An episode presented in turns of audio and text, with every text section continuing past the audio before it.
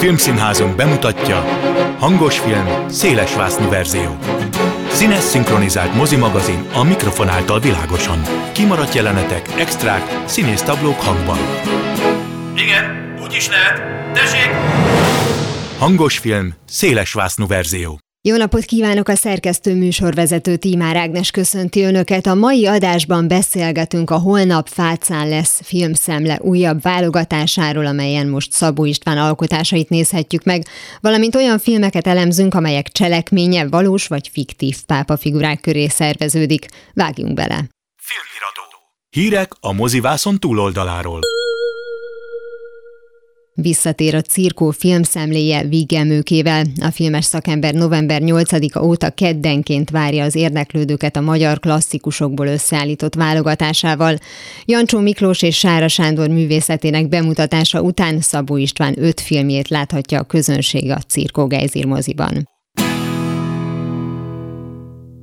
Végemőke van velem filmes szakember, a sorozat szerkesztője. Mi volt a koncepció, nem csak a most következő Szabó István sorozatra gondolok, hanem az azt megelőző kettőre is, amikor összeállította ezeket, tehát miért éppen ezt a három filmest választotta most? Nagyon sok szempont adta, hogy Jancsó Miklós, Sára Sándor és Szabó István egy sorozatba kerüljön.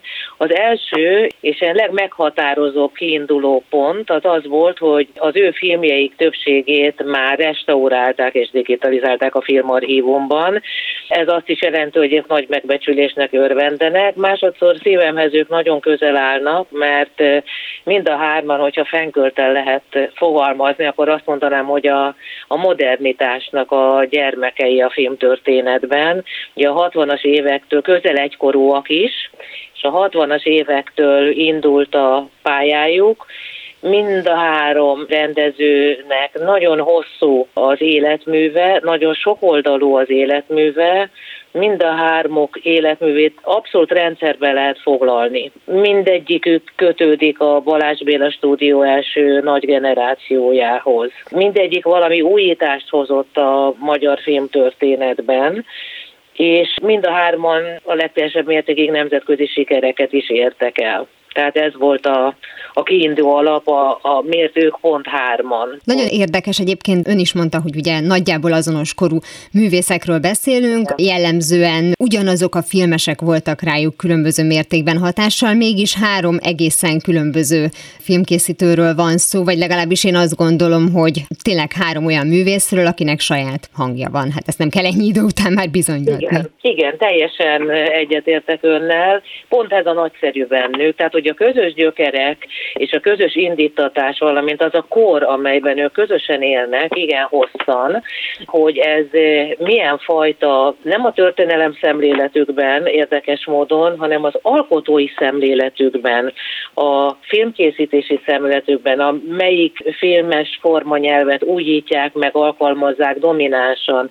Borzasztóan érdekes egyébként, mert ugye a Jancsónak az utolsó korszakát leszámítva, ő azért a, a modellfilmek, a, a parabola filmekkel kezd, és a rendszerváltás utántól eljut az abszurdig.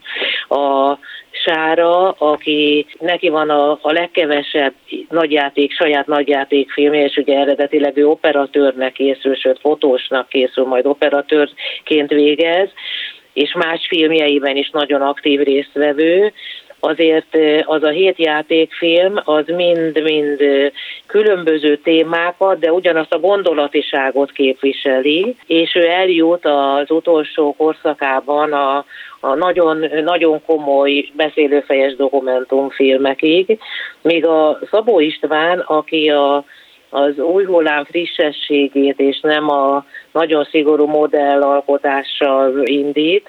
Ő végül is azért eljut a hollywoodi mainstream filmek gyártásáig, egy nagyon klasszikus hollywoodi narratívával, nagy filmekkel, nemzetközi nagy szereplő gárdával. Tehát tényleg más a kifutásuk összességében. Ebben az értelemben, hogyha a populáris szót használjuk Szabó István filmjeinek egy részére, az semmiképpen ugye nem a sértő, mert ez nyilván kontextus függő, de ezt csak azért kérdezem, mert az előző két sorozat után most ez a 31-én induló Szabó István válogatással kapcsolatban milyen érdeklődésre számít? Hát én nagyon bízom benne, hogy, hogy azok, akik szerették az előző kettőt, illetve szeretik felidézni ezeket a filmeket, vagy kimaradt az életükből ezen filmek sora, hogy ők változatlanul jönni fognak. Egyébként hozzáteszem, hogy pont a 60-as évektől szakad ketté a magyar film, és ahogyan mondjuk a, a világfilm történetében a francia új hullámmal egy másfajta popularitás, a szerzői filmes popularitás lép életbe, ez az úgynevezett mitkul, tehát hogy a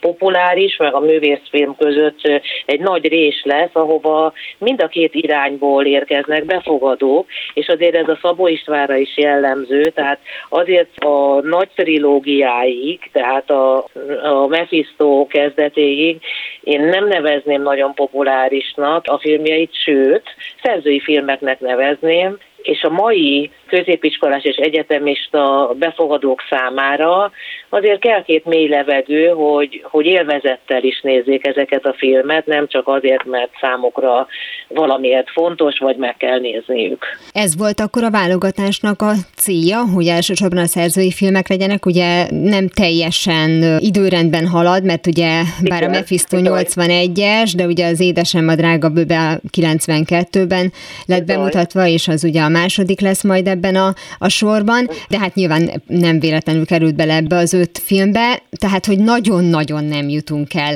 napjainkig, ez lett volna a kérdés lényege, hogy amire utalt, hogy az már talán inkább ez a világ, amivel a mostani fiatalok, ha találkoznak Szabó István filmmel, akkor ezzel azonosítják. Tehát akkor nézzük meg, hogy mi ez az öt film, és miért éppen ezek. Még előtte hagyj jegyezzem meg, hogy egy nagyon fontos dolog jutott eszembe, hogy itt a, a válogatás kapcsán, hogy mind a hármoknak van Így jöttem filmje. Ugye ez a Jancsó uh-huh. filmje, a 63-as filmjéből nyerte el, az ilyen típusú film, ez már egy kategória név. Tehát ez nem csak a Jancsó filmre vonatkozik, és, és a Szabó Istvánnak az első trilógiája, tehát az álmodozásokkor az apa és a szerelmes film a legteljesebb mértékig az, a Sárának a feldobott köve is az, és ugye hát ott van a Jancsónak pedig a maga az egész film cím is jelzi, az ilyen című filmje. Hogy nem jutunk el napjainkig, az egészen egyszerűen azért van, mert az első két szerzőnél nem tudunk eljutni napjainkig. Szabó Istvánnál pedig mindenképpen azt akartam, hogy a nagyon jelentős filmjeit és a különböző arcait mutassam meg. És a Mephisto az utolsó olyan film, amiben ezt a Hollywoodra való kitekintést tudom megmutatni, illetve ugye az utolsó időben az édesemma, drága bőve pedig az, hogy, hogy azért ő időnként visszatért a nem rossz értelemben mondom, hogy a régi önmagához. Hogyan képzeljük el ezt a programot? Tehát azért ez nem csak csak, hát egy filmnézés sohasem csak, de mi az, ami még kapcsolódik magának a filmnek a megtekintéséhez? Mindenképpen van egy bevezető a film elején, amiben, hát amit ilyenkor a sors felkínál, illetve a film felkínál, azok az információk és érdekességek hangzanak el, amikor egy új rész következik Szabó Istvánnal, az apa, az édesem, a szerelmes film, Budapesti mesék és Mephisto, akkor azért ott indoklásra kerül majd az, hogy elképzeléseim szerint indoklásra kerül az, hogy miért pont ezek a filmek, és miért nem időrendben? A sorozat egy részében sem volt időrend, és ez nem véletlen. Nem kell mindig azt az időrendet. A tematika, a változatosság az időnként sokkal jobban bevilágítja az életműnek egy-egy szegletét, mint hogyha szolgai módon időrendben haladnánk. Nyilván a filmográfiai adatok azok borzasztóan fontosak és nagyon informatívak, és ezen keresztül azért Szabó Istvánról egy általános pályaképet az első film előtt nincs mese fel kell vetíteni. A többi filmnél pedig el kell helyezni az életműben a filmeket, és az az elhelyezés, ez nagyon sok szempontú. Ebben a tematikától a a filmforma nyelvi eszközökön keresztül, az operatőrökön át, a a forgatókönyv megvalósításig, a visszhangja a filmeknek. Nálunk ezek nincsenek a köztudatban, és én ezt nagyon fontosnak tartom, hogy, hogy milyen díjakat nyertek nemzetközi szinten, itthon is egyébként, de nemzetközi szinten. Ezt valahogy nincsen a köztudatban, hogy a magyar filmes generációk sora már a most mondjam azt, hogy 1942 óta folyamatosan benne van a nemzetközi filmes világban, és nagyon sok díjat nyertek vele. Tehát Szabó Istvánon keresztül azért általában a, a magyar filmgyártásról is hallhatnak, akik ellátogatnak a programra. Akkor tehát január 31-től minden kedden 5 héten át egy-egy Szabó István filmet nézhetnek meg az érdeklődők. Nagyon szépen köszönöm Vígemőke filmes szakértőnek, a sorozat szerkesztőjének, hogy mindezt elmondta. Én is köszönöm, minden jót kívánok! Mozgóképizmus. Filmek politológus szemmel. Itt van velem a stúdióban Pár Ádám, történész, politológus, a Méltányosság Politika Elemző Központ munkatársa. Szia! Szia! Olyan filmekről fogunk beszélgetni, amelyeket már egyébként több adással ezelőtt beígértünk a hallgatóknak, mert hogy már volt egy olyan témánk, amikor a hitélettel, vallással foglalkoztunk, de már akkor felmerült, hogy rengeteg olyan film készül, amely valós, illetve fiktív pápákkal foglalkozik, és most ezeket gyűjtöttük össze. Valószínűleg nem az összeset, tehát egyébként a hallgatókat most is buzdítok, hogyha még eszükbe jut olyan film, amit kihagytunk volna, akkor az adás után természetesen ezt megírhatják a Klubrádió Facebook oldalára. Meg meg is nézhetik őket, hogyha Igen. a videó elosztókon fent vannak. Persze. Igen, tehát hogyha olyan filmet tudunk ajánlani, amelyről esetleg nem hallottak, vagy mondjuk már régebb óta szeretnék megnézni, akkor itt a uh-huh. nagy lehetőség. Előre megbeszéltük, hogy mely filmekről van szó, ahogy ezt a hallgatóink már megszokhatták, és olyan szempontból raktam időrendbe őket, hogy mikor játszódnak, hogyha neked is ez megfelel. Uh-huh. Úgyhogy kezdjük az agónia és extázissal. Uh-huh. Az az igazság, hogy nem tudom, hogy ez mennyire ismert itthon ez a film, ez egy 1965-ös film, ezt érdemes elmondani róla, Charlton Hestonnal és Rex Harrisonnal, öt Oscar díjra jelölték, de azért azt ki kell emelni, hogy ezek elsősorban technikai jelölések voltak, mert ugye ez az az időszak volt, amikor minden ilyen nagyon látványos volt, nagyon színes volt, és azt nézni, hogy a Sixtus Kápolna éppen elkészül, és a színek, és a, tehát, hogy tulajdonképpen ez inkább erről szólt, azt hiszem, hogy az operatőr kapott jelölést, tehát színészi jelölések például, vagy rendezői jelölések nem voltak. Forgatókönyv volt, annyit én elmondanék, hogy nekem ez ma már poros volt, és azért nem minden 65-ös filmről mondható ezzel, de akkor át is adom uh-huh. neked a szót, hogy melyik pápáról is beszélünk tulajdonképpen, hol járunk uh-huh. időben. Igen, hát poros, mint ahogy az életrajzi filmeknek a, a nagy része, az, azt gondolom, mert nagyon nehéz szerintem jó életrajzi filmet csinálni, itt meg ráadásul egy duplex életrajzot láttunk, vagy életrajz részletet, hiszen párhuzamosan láttuk második Gyula pápa, azaz Giovanni della Rovere néven született főpap, illetve Michelangelo Buonarroti tevékenységét, és az életüknek azt a szakaszát mutatta be a film, amikor az ő sorsuk összefonódott.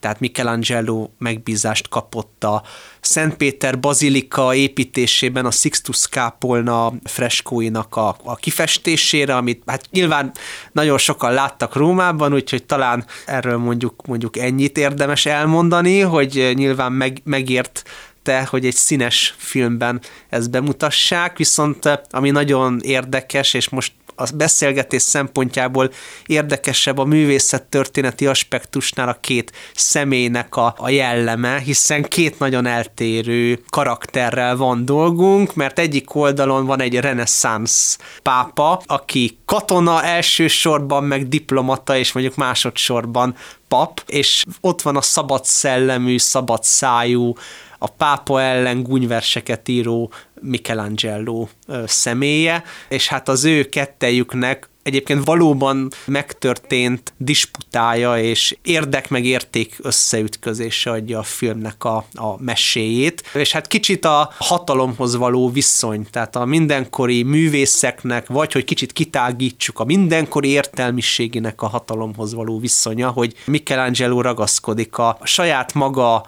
individuális értékrendjéhez. Egyébként Gyulának is megvan a maga individuális értékrendje, hiszen egy, ő is egy reneszánsz ember, és egyébként van ugye egy korszellem, ami, ami meg egy vallásos korszellem, és ez a három ütközik egymással. Ugye éppen második Gyula idején kezdik el építeni a Szentpéter székesegyházat, ami többek között ugye azért érdekes, mert nekem mindig a visszajövőbe óratornya jut róla az eszembe, mm. hogy bármilyen időbe utazunk, az az óratorony még soha nem készült el, tehát hogy mm. majd 150 év kellett ahhoz, hogy tulajdonképpen a végére érjenek ennek a projektnek, és itt még ugye a, a terveknél tartunk, de ugye ez a 16. század, és amit én igazából hiányoltam a filmből, hogy valóban kapunk valamiféle személyes képet a két főszereplőről, nagyon-nagyon nagy hangsúlyt fektetnek egyfelől erre a festegetésre, ami uh-huh. nekem egy kicsit sok, tehát hogy mostani szemmel azt mondom, hogy jó, jó, tehát hogy tök jó, hogy így készültek el ezek a, a képek, de hogy ebből így kevesebb is elég lett volna, uh-huh. és inkább a konfliktusra menjünk rá.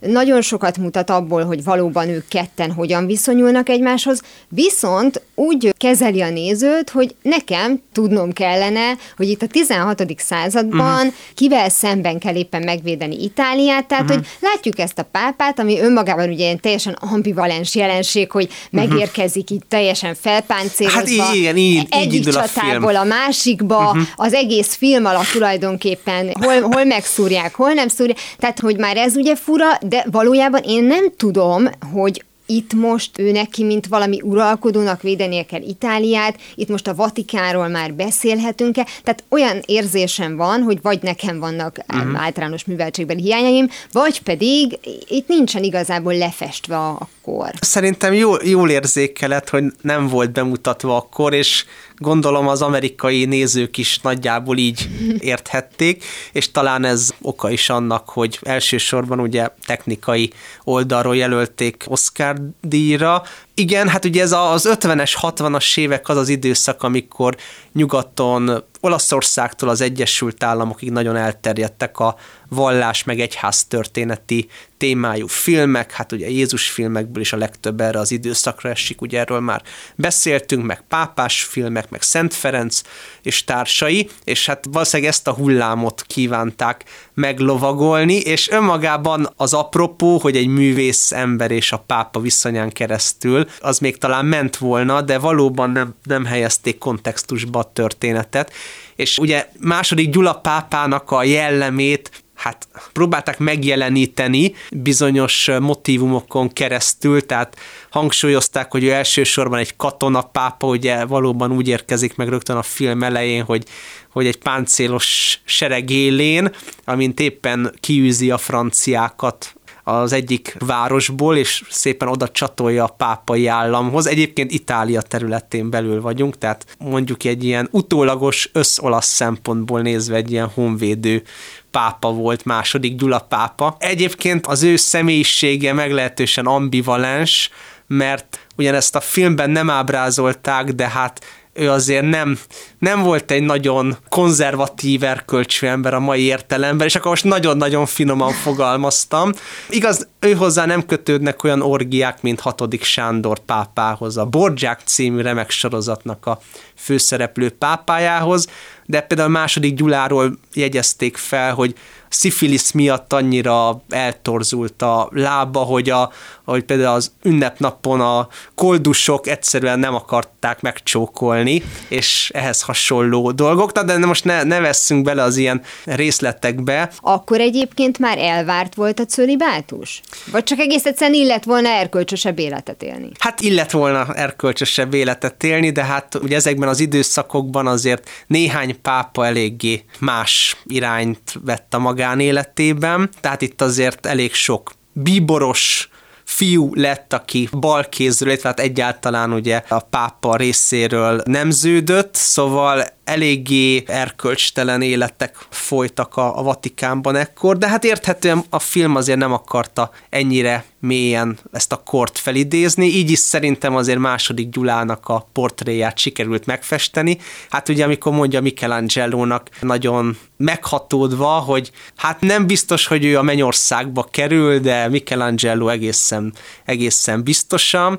Szóval azért így utalnak rá, hogy végső soron azért meghatódik, amikor meglátja a Sixtus kápolnát, és valami fajta vallásos érzés jobban hatalmába keríti, mint mondjuk bármikor a pontifikátus alatt. Sőt, azt hiszem úgy is fogalmaz, hogy az az egy szomorít el, hogy az én pápaságom idejéből mindenki a te művedre fog emlékezni, és nem arra, hogy én mondjuk például hogyan védtem meg ezt a területet. I- igen. Tehát ezt is felismerte, hogy valószínűleg többen fognak Michelangelo-ra emlékezni, mint második Gyulára. Záró... Bár egyébként, bocsánat, a svájci gárda mai napig emlékeztet második Gyulára, mert hogy ő alapította ezt az elit alakulatot. Az egyenruhájukat is ő találta ki, mert akkor... Azt a Raffaello. Egyébként Cesar Borgia volt, aki először svájciakat fölfogadott a pápa szolgálatára, de magát az alakulatot második Gyula alapította, és Raffaello tervezte a ruhájukat köszönjük neki. Erről majd lehet, hogy divattervezőket megkérdezünk. Van a filmnek egy ilyen majdnem záró jelenete, ugye egy csatában meg sebesül második Gyula, már lényegében a halálos ágyán van, vagy legalábbis már ott gyűlnek köré, már ott van a kórus, hogy, hogy így elbúcsúztassák, tehát utolsó kenet, meg minden, és jön a dühös Michelangelo, hogy körülbelül ez a neked uh-huh. még dolgod van a világban, és erre így Rex Harrison felpattan a halálos uh-huh. ágyáról, mindenkit kizavar, hogy mit szórakoznak itt, és tulajdonképpen értem én, hogy mit akartak ezzel, hogy igen, hogy ha még feladatod van, azt el kell végezni, de közben annyira nevetséges lett ez a jelenet, tehát az, amikor uh-huh. tényleg előtte ilyen elhaló hangon beszél már a szereplőnk, és uh-huh. utána egyszer csak magához tér, de mindegy, ezt csak zárójelben jegyeztem meg, viszont azt mondtad, hogy második Gyula volt az utolsó katonapápa, de uh-huh. korábban egyébként ez így jellemző volt, hogy akkor erkölcsösségtől függetlenül, hogy ilyen ténylegesen majdnem uralkodói feladatokat ellátva katonaként is helytáltak a, a pápák? Igen, elő-elő fordult, de hát alapvetően ez mondjuk eléggé általános is volt, hogy azért a főpapok maguk vezették a csatába a seregeiket, szóval nem csak abból állt a feladatuk, hogy áldást osszanak a templomban, hanem hogy karcsapásokat osszanak a csatatéren, és hát ezt néha a pápa is megtette, de mondjuk második Gyula volt az, aki tényleg ilyen lovagi módon, ilyen késő lovakkori módon élvezte és kiélvezte ezt a szerepet. Utána már nem, utána már a diplomata pápák jönnek, inkább ez a vonal erősödik meg, meg aztán ugye persze a teológus, szóval többféle pápai szerepkör van alapvetően. A következő filmekben egyébként pont ezeknek a változásaira is ki fogunk térni. Ugye a Legyetek jók, ha tudtok, az klasszikusan az a film, amit szerintem mindenki látott, meg uh-huh. szereti is, meg, meg, meg szeretjük a zenéjét, meg olyan cuki, meg minden. Hát nyilván Néri Szent Fülöpről egy uh-huh. kicsit egy ilyen idealizáltabb képet mutat, bár hát nyilván nem véletlenül lett ő, ő szent, de ez még mindig a 16. Uh-huh. Mhm. század, tehát időben ugyanannál a pápánál vagyunk? Nem, egy kicsivel későbbi, hát egy olyan jó 40 évvel uh-huh. később járunk, és hát szintén még a reneszánsz pápáknak a korában vagyunk, mert ugye a filmnek az egyik fő eszmei mondani valója, hogy Néri Fülöp testesíti meg az új barokk vallásosságot, tehát az Isten felé fordulást és az elmélyült extatikus vallásosságot, és ugye vele szemben például ott van a fiatal bíboros herceg, a pápa unoka öccse, ugye, aki már 15 évesen már, már bíboros és herceg. Hát nyilván az utóbbi a rangja miatt lehet 15 évesen, de a bíboros semmiféleképpen nem. És ráadásul van egy fiú ruhába öltözött szeretője, aki ráadásul kiskorúnak számít már abban az időszakban is. Na jó, hát a 15 éveshez képest is kiskorúnak számít. Tehát itt megint az látszódik, hogy van ez a reneszánsz életet élvező és habzsoló, és azt nagyon túltoló egyházi elit, meg annak a kultúrája, és vele szemben ugye a, a pici szürke árva gyerekeket nevelő Néri Fülöp, aki tényleg néha már ilyen népmesei figura lesz ebben a, ebben a filmben. És hát a, ugye a végén hát látható is, hogy a pápához is bejut Néri Fülöp, és itt ugye tanúi leszünk annak, hogy mennyit változott Róma, mert mondja a Szent Atya, hogy, hogy csatornát építettem nektek, meg ugye felszámolják Rómában a banditizmust, tehát ugye a pápa itt egy uralkodó, lényegében nem csak a katolikus egyház feje, hanem az egész pápai államnak a fejedelme, szóval az ő feladata a rendfenntartás is Rómában, és hát bizony, hogyha kegyetlen döntést kell hozni, akkor meghozza. Tehát Néri Fülöpnek a, a neveltjét és pártfogoltját a banditává lett Csirifiszkiót simán felakasztatja egy szó nélkül.